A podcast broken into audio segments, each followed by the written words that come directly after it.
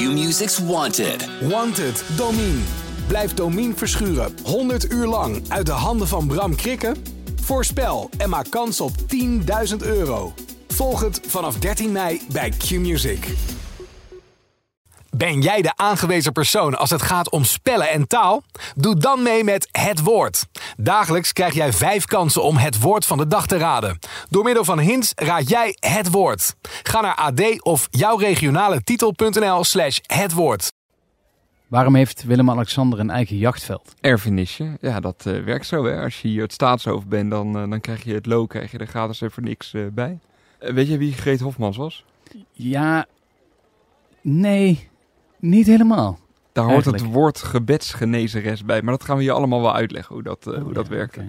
En aan jou nog een vraag. Is er echt een koning die door zijn eigen zoon vermoord is? Ja, ik zou het niet weten. Ik was er niet bij. En eh, een historicus die enorm onderzoek heeft gedaan, die was er ook niet bij. Maar die zegt dus echt van wel. Willem III heeft koning Willem II vermoord. Jeroen Smalen en ik, Kevin Goes, maakten een paar jaar lang de AD Royalty podcast. Maar om de royals van nu te bespreken, moeten we het verleden induiken. We gaan terug in de geschiedenis van Nederlands bekendste familie, de Oranjes.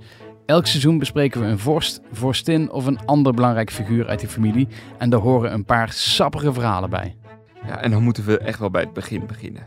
Bij de vader des vaderlands, Willem van Oranje. Dit is de podcast van Oranje, van Willem tot Amalia.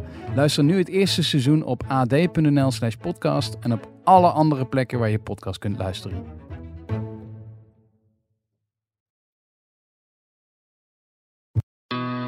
Q-Music's Wanted. Wanted, Domine. Blijf Domine verschuren 100 uur lang uit de handen van Bram Krikken?